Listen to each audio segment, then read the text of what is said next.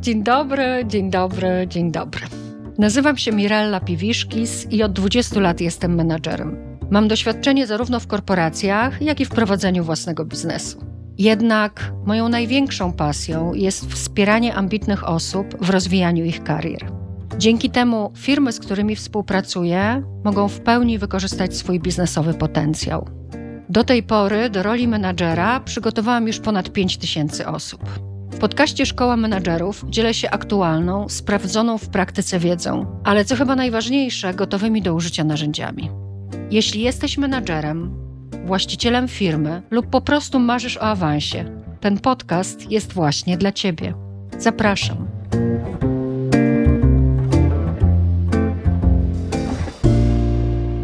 Nie czuję się specjalistką od rekrutacji i często zdarzało mi się popełniać błędy. Są jednak takie, których e, wystrzegam się dzięki pewnej świadomości psychologicznej, którą mam. Są to tak zwane błędy poznawcze, czyli takie pułapki umysłu, złudzenia, które zaburzają obiektywną ocenę. A przecież e, w rekrutacji głównie chodzi o obiektywizm, głównie o to dbamy stosując e, narzędzia, które obiektywizują modele czy kwestionariusze. Tymczasem to właśnie nasz mózg zaburza obiektywny odbiór rzeczywistości i powoduje czasem bardzo błędne decyzje rekrutacyjne. Dzisiaj o dziewięciu takich błędach zapraszam.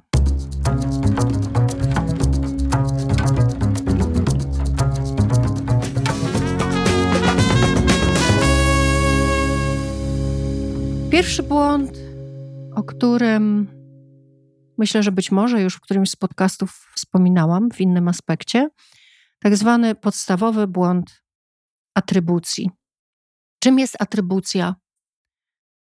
Atrybucja to jest ocena przyczyn zachowania innych osób.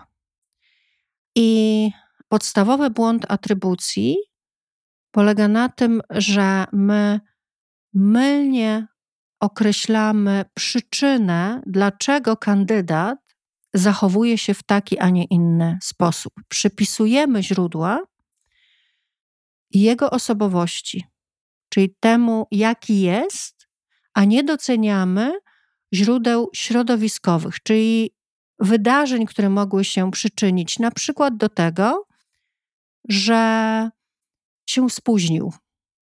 Czyli wyobraźcie sobie sytuację, że przychodzi kandydat na spotkanie spóźniony. Podstawowy błąd atrybucji każe nam sądzić, że no, prawdopodobnie jest to osoba, która nie jest punktualna. Po prostu taka jest. Albo na przykład nie ma poczucia odpowiedzialności, ale czego byśmy jej nie przypisali, to podstawowy błąd atrybucji polega na tym, że my zakładamy, że on jakiś jest, a nie, że wydarzyło się coś wyjątkowego, czyli na przykład kiedy jechał do nas, trzy wypadki na obwodnicy Warszawy się wydarzyły i naprawdę nie mógł zdążyć. To samo może dotyczyć na przykład tego, że kandydat się bardzo stresuje. Czyli możemy zdefiniować, że on jest nieodporny na stres, albo że jest niekompetentny i nie umie odpowiedzieć na pytanie, dlatego się stresuje. Tymczasem źródła mogą być zewnętrzne, czyli mogło się przed rozmową wydarzyć coś, co spowodowało wyższe napięcie niż to, do którego zazwyczaj jest przyzwyczajony. Moi drodzy, co zrobić, kiedy zaczyna się pojawiać takie nasze wewnętrzne przekonanie i zaczynamy etykietować, sugerując się podpowiedziami podstawowego błędu atrybucji. No, po pierwsze, sama świadomość, w ogóle sama świadomość tych dziewięciu błędów już pozwoli Wam uchronić się, uniknąć tych błędów albo zminimalizować ich wpływ. Natomiast w pewnych sytuacjach zachęcam Was do tego, aby po prostu zweryfikować ten podstawowy błąd atrybucji. Czyli po pierwsze pytać, w ogóle wywiad pogłębiający, tak zwany wywiad epizodyczny, jest narzędziem, które mi osobiście najbardziej się sprawdza i jest to najprostsze narzędzie rekrutacyjne. Czyli jeżeli spytamy, co takiego się stało, że jest pan 15 minut później, albo co jest takiego w tym, że się pani tak bardzo stresuje, co takiego się dzieje, co jest takiego stresującego w tej rozmowie, to jeśli kandydat odpowie, że, że był korek na obwodnicy, to wystarczy zastosować wywiad epizodyczny. To proszę mi opowiedzieć o tym wypadku. Ile było samochodów? Kto ucierpiał? Co było wyjątkowego? Słuchajcie, to jest tak, że w momencie, kiedy chcecie zweryfikować, czy ktoś kłamie, czy nie, to on najczęściej nie ma takich szczegółów przygotowanych.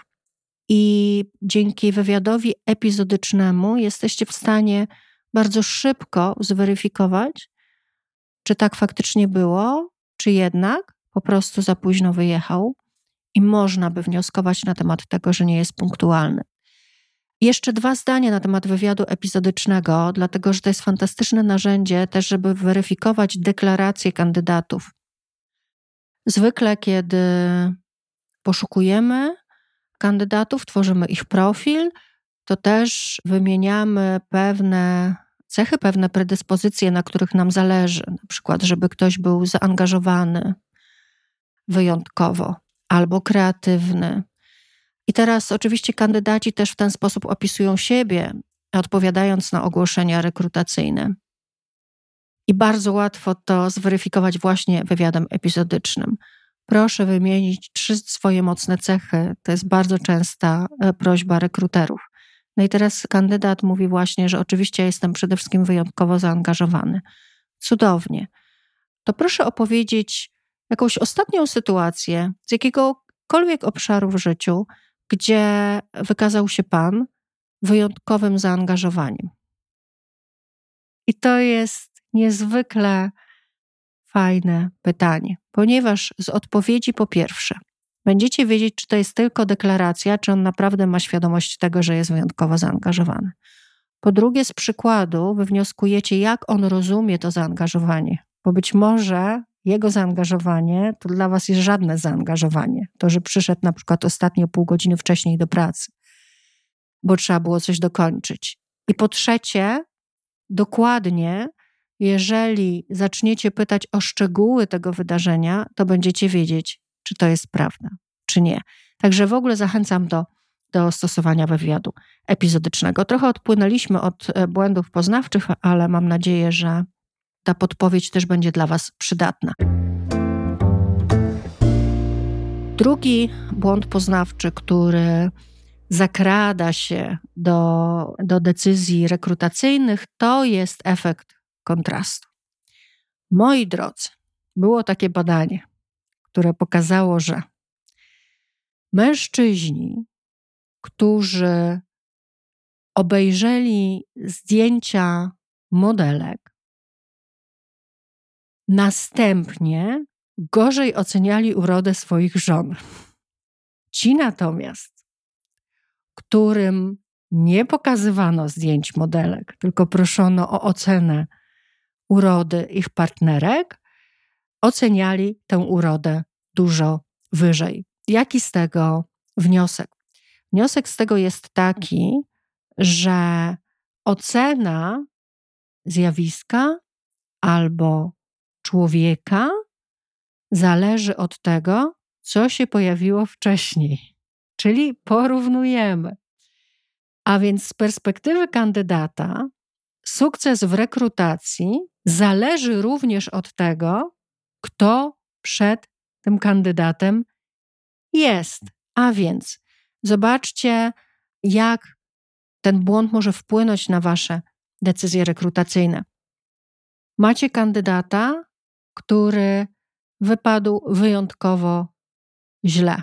Kandydat, który wchodzi po nim do pokoju na rozmowę, wyda się Wam wówczas znacznie lepszym niż e, tak naprawdę jest, czyli niż gdybyśmy go oceniali bez jego poprzednika.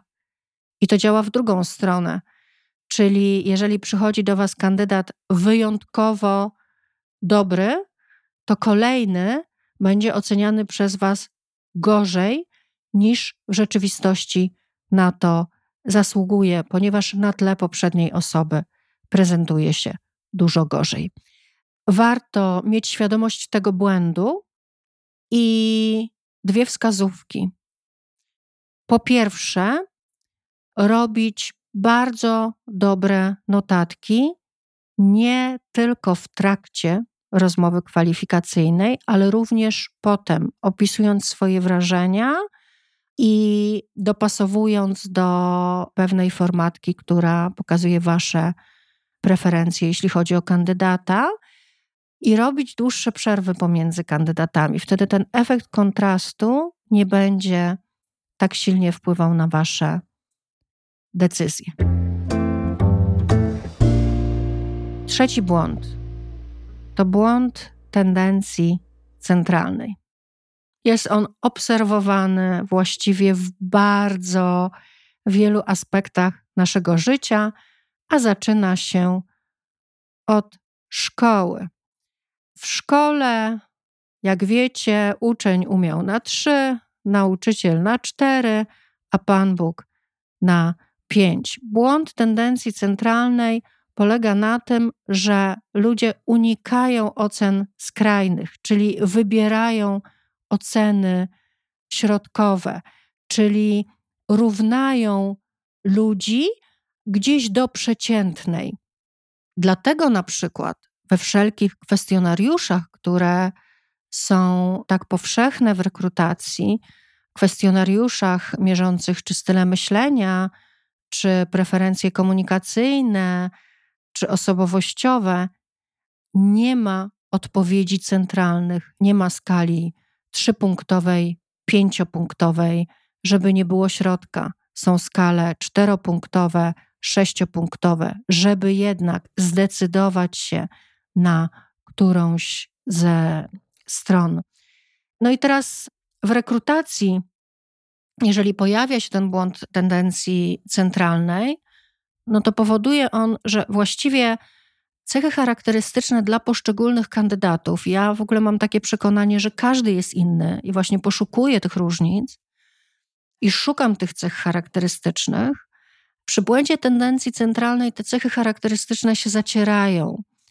I właściwie szefowie zaczynają mieć takie poczucie, że wszyscy kandydaci są zwyczajni, przeciętni, tacy sami, nikt się niczym nie wyróżniał i właściwie trudno jest mi podjąć decyzję. Jak sobie z tym poradzić? Oprócz robienia dobrych notatek po każdym kandydacie, o czym już wcześniej mówiłam, warto faktycznie znaleźć jedną cechę charakterystyczną, i na podstawie tej cechy charakterystycznej kandydata, niezależnie od tego, czy ona jest pozytywna, czy ona jest negatywna, czy oceniacie ją neutralnie, ale stworzyć określenie związane z tą cechą. To ma jakąś magiczną moc, ponieważ e, ja na przykład miałam, znaczy stosuję to narzędzie i jedną z kandydatek, którą zresztą zatrudniłam, była to wspaniała pięcioletnia e, współpraca, określiłam słowem aspekt, ponieważ ona miała mnóstwo bardzo przekonujących mnie wypowiedzi, doświadczeń, bliskie mi wartości, jeśli chodzi o sprzedaż, bo rekrutowałam ją na stanowisko sprzedawcy. Natomiast była jedna rzecz, która szalenie mi przeszkadzała tak zwane słowo klucz, tak jak niektórzy mają generalnie, tak ona miała aspekt. I wszystko był i jest taki aspekt i inny aspekt. I właśnie dlatego wyróżniłam ją w swojej głowie i w swoich notatkach słowem aspekt, ponieważ to była wątpliwość, którą chciałam rozwiać. Czy będę w stanie to wytrzymać, czy klienci będą w stanie to znieść, a przede wszystkim, czy być może możemy to po prostu zmienić. I teraz, jak sobie potem analizowałam kandydatów z innymi współpracownikami i rzucałam hasło aspekt, to oprócz tego aspektu pojawiało mi się szereg innych wyróżników w głowie. Przypominałam sobie inne, bardzo pozytywne jej charakterystyki, czyli cała postać pojawiała mi się przed oczami.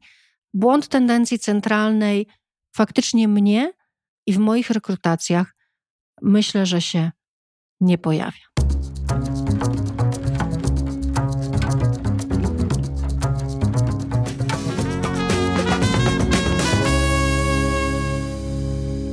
Kolejne dwa efekty łączą się z efektami pamięciowymi. Pamiętacie chunking i budowanie prezentacji wokół efektów pamięciowych?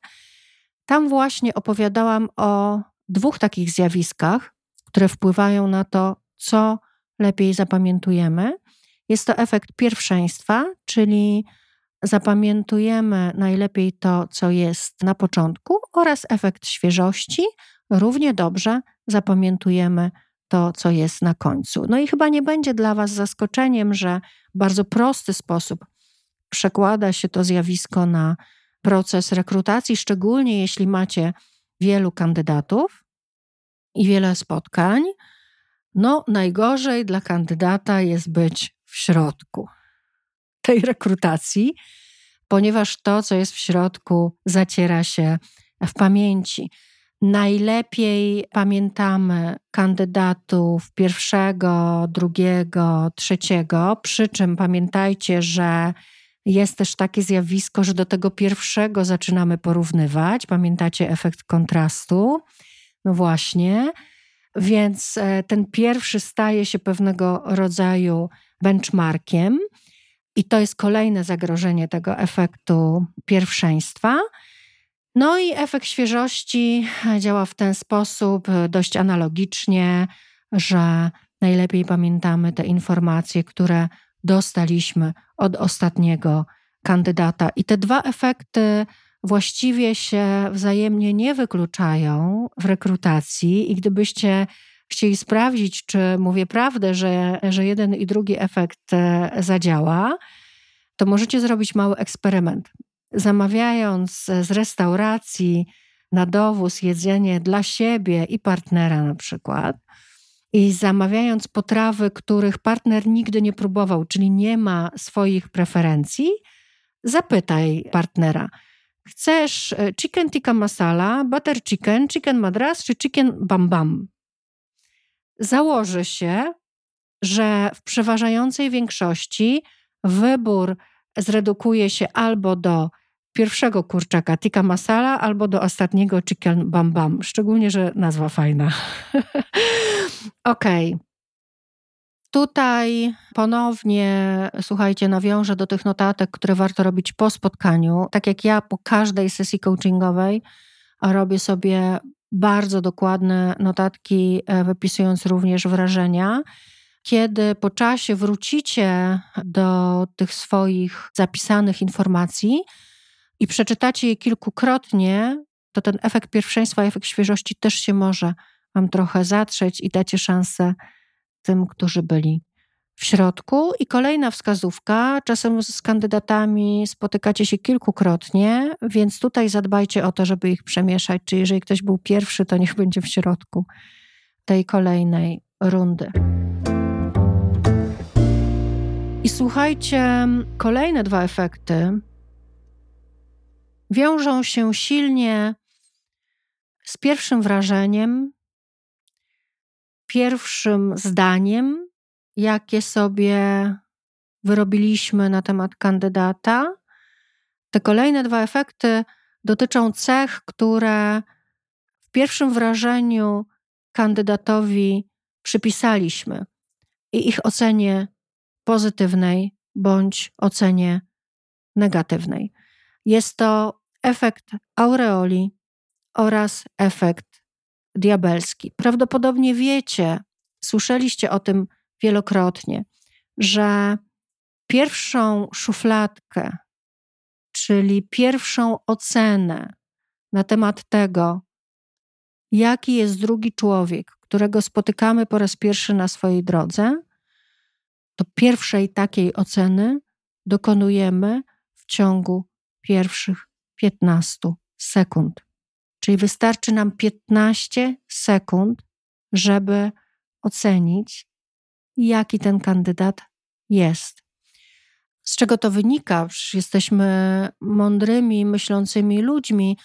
No jest to atawistyczna cecha naszego mózgu, tego mózgu gadziego, który jest nastawiony na, na przetrwanie, kiedy jeszcze żyliśmy w groźniejszych warunkach niż teraz, kiedy zagrożenie mogło przyjść w każdym momencie i z każdej strony, nasz mózg musiał bardzo szybko ocenić, czy to, co się zbliża, jest dla nas zagrożeniem, czy nie, a potem jeszcze szybciej ocenić strategię obrony, czy strategię poradzenia sobie z tym zagrożeniem, w zależności od tego, czy na przykład zbliżające się stworzenie jest od nas silniejsze czy słabsze.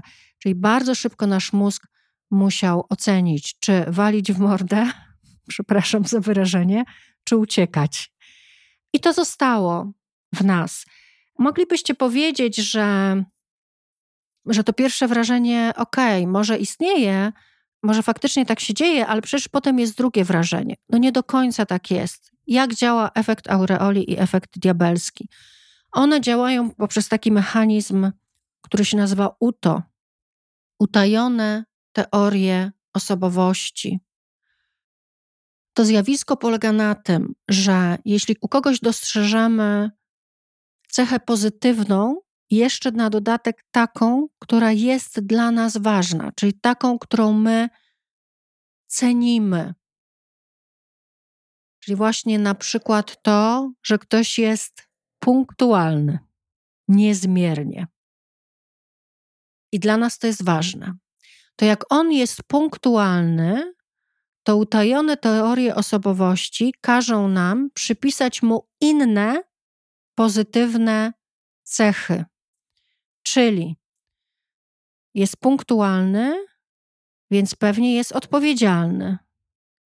A do tego prawdopodobnie jest dobrze wychowany i ma duży szacunek dla innych osób. I być może jeszcze do tego, jak jest punktualny, to jest skuteczny i będzie się wyrabiał z zadaniami. W ten sposób powstaje efekt aureoli, efekt anielski. Tworzymy na podstawie jednej cechy właściwie ogólny pozytywny wizerunek kandydata. Efekt przeciwny, efekt diabelski działa analogicznie. Czyli jeżeli uznamy, przypiszemy cechę, kompetencję, której brak, albo cechę negatywną, a jest to dla nas ważne, czyli ktoś jest niepunktualny, no to prawdopodobnie jest nieodpowiedzialny, prawdopodobnie będziemy mieć problem z wyegzekwowaniem zadań od niego, prawdopodobnie być może też w relacjach nie ma szacunku dla drugiego człowieka. No i skreślamy kandydata. Wystrzegajmy się tego. Pierwsze wrażenie i tak będzie, natomiast weryfikujcie poprzez narzędzia, które już wcześniej Wam powiedziałam, głównie ten wywiad epizodyczny i pytania pogłębiające. Ten efekt e, aureoli i efekt diabelski utrzymuje się również dzięki kolejnemu błędowi poznawczemu, czyli strategii konfirmacyjnej. Strategia konfirmacyjna polega na tym, jest to po prostu niezwykłe zjawisko mózgu i to, jak bardzo my przekręcamy rzeczywistość i zmieniamy rzeczywistość w kierunku takim, jak sobie życzymy, dla mnie jest za każdym razem wręcz szokujące. Strategia konfirmacyjna polega na tym, że jak już mamy szufladkę, mamy etykietę, ten jest odpowiedzialny, ten jest nieodpowiedzialny, ten jest kompetentny, ten jest niekompetentny, to wówczas nasz mózg zmienia percepcję zachowania tego człowieka tak, aby zauważyć wszystko, co potwierdza moją teorię i zignorować, nie dostrzec zachowań, które są sprzeczne z moim założeniem, z moją koncepcją. Czyli wyobraźcie sobie, że jest starsza pani, mieszka w bloku i w tym bloku mieszka dwóch chłopców. Jeden chłopiec, który zawsze mówi dzień dobry, w pas się kłania, a drugi chłopiec, który nigdy się nie wita. Po pierwsze, działa efekt aureoli i efekt diabelski, o tym nie będę mówić, czyli ten, który się wita, oczywiście jest aniołem, ten, który się nie wita, jest z najgorszego domu, jest niewychowany i na pewno niewyedukowany. Jeśli ktoś kradnie samochody, to na pewno ten, co się nie wita, a nie ten, co się wita. Natomiast strategia konfirmacyjna polega na tym, że jak już mamy te etykiety, no to starsza pani prawdopodobnie widząc chłopca, który się nie kłania, przede wszystkim dostrzega jego na łyso ogoloną głowę i bluzę z kapturem. Tak? To jest coś, co potwierdza, że ten chłopiec jest zagrożeniem. I na dodatek strategia konfirmacyjna polega również na tym, że my interpretujemy fakty inaczej. Czyli wyobraźmy sobie, że ona słyszy, iż pod blokiem chłopiec dobry, chłopiec aniołek, nazwijmy go, stoi z kolegami i mówi głośno słowo na K. I teraz, co pani z tym robi? Co robi właściwie strategia konfirmacyjna? Albo sobie myśli: Ojej, pewnie się przesłyszałam, to na pewno nie on powiedział. Albo na pewno ci chłopcy go sprowokowali. Albo musiało się wydarzyć coś naprawdę strasznego, że on przekroczył granicę dobrego wychowania, czyli zaczyna go usprawiedliwiać. I w rekrutacji może to wyglądać bardzo podobnie. A więc przyjrzyjcie się swoim dotychczasowym rekrutacjom. Jeżeli możecie powiedzieć, że to, co myśleliście o kandydacie po raz pierwszy, później się sprawdziło, i jeżeli prawdopodobnie zbyt często tak się dzieje, to mogła to być po prostu, czy może to być strategia konfirmacyjna. Nasz mózg jest w stanie nie dostrzegać faktów, które przeczą naszym teoriom, po prostu dlatego, że jest leniwy. I doszliśmy w ten sposób do ostatniego, ostatniego w tym podcaście błędu poznawczego, bo oczywiście błędów poznawczych jest więcej. A mianowicie nasz nastrój w momencie, kiedy przeprowadzamy rozmowę kwalifikacyjną z kandydatem. Było takie badanie w 1987 roku przeprowadzone. Nie jest to jedyne badanie, które mówi o tym, jak nasz nastrój wpływa na nasze decyzje i ocenę zjawisk, z którymi się spotykamy, no ale między innymi właśnie w 1987 roku przeprowadzono takie, takie badanie. To badanie z 1987 roku jest bardzo bliskie właśnie procesowi rekrutacji. A mianowicie wprowadzano ludzi w dobry nastrój i w zły nastrój. I potem sprawdzano, na co poszczególne grupy osób zwracały uwagę i jak oceniały kandydatów. A więc te osoby, które były wprowadzone w dobry nastrój, czytając opis, czyli nawet nie spotykając się ze sobą, tylko czytając opis pewnej osoby, poświęcały więcej czasu na czytanie na temat jej pozytywnych aspektów charakteru. Co więcej, formułowały na temat tej osoby więcej ocen pozytywnych niż negatywnych, i potem, jak przypominały sobie informacje na temat osoby, z której opisem się zapoznawały, to przypominały sobie więcej informacji pozytywnych. Druga grupa, będąc w złym nastroju, czytając dokładnie taki sam opis tej samej osoby, skupiała uwagę, poświęcała czas na czytanie o negatywnych cechach i więcej tych negatywnych cech potem te osoby sobie przypominały i więcej negatywnych ocen formułowały niż pozytywnych. Więc jest to niezwykle, właściwie wprost wpływający na nasze decyzje rekrutacyjne błąd poznawczy, po prostu nastrój.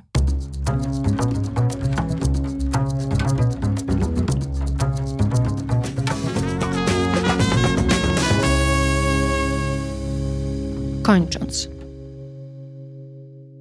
My, jako ludzie, o czym wspominałam już wielokrotnie, naprawdę mamy ograniczony dostęp do obiektywnej rzeczywistości. Filtrujemy to, co dociera do, do naszych zmysłów, filtrujemy poprzez nasze przekonania, poprzez nasz nastrój, poprzez nasze pierwsze decyzje. Tworzymy bardzo szybkie szufladki, porównujemy ludzi do siebie i przez to nasze decyzje rekrutacyjne mogą być mało obiektywne. Oczywiście chronimy ten proces rekrutacji poprzez odpowiednie narzędzia, poprzez kalibrację, poprzez kwestionariusze. Natomiast sama świadomość tego, że możemy się mylić i możemy zbyt szybko podejmować decyzje, albo potem za szybko sobie potwierdzać nasze wstępne oceny, chroni nas przed błędami. Po drugie, przed błędami może nas uchronić to, że nie jesteśmy jedyną osobą oceniającą. Dlatego zachęcam, aby mm, te procesy rekrutacyjne przeprowadzać e, w dwie osoby, ewentualnie naprawdę bardzo silnie konsultować potem e, z zespołem na podstawie szerokich i szczegółowych notatek. Mam nadzieję, że ten odcinek będzie dla Was przydatny, niezależnie od tego, czy macie duże doświadczenie, czy małe w rekrutowaniu ludzi do swoich zespołów. Tymczasem, jak zwykle, zapraszam na mirellapiwiszkis.com ukośnik 46, gdzie znajdziecie, jak zwykle, notatki do odcinka. Do usłyszenia za tydzień.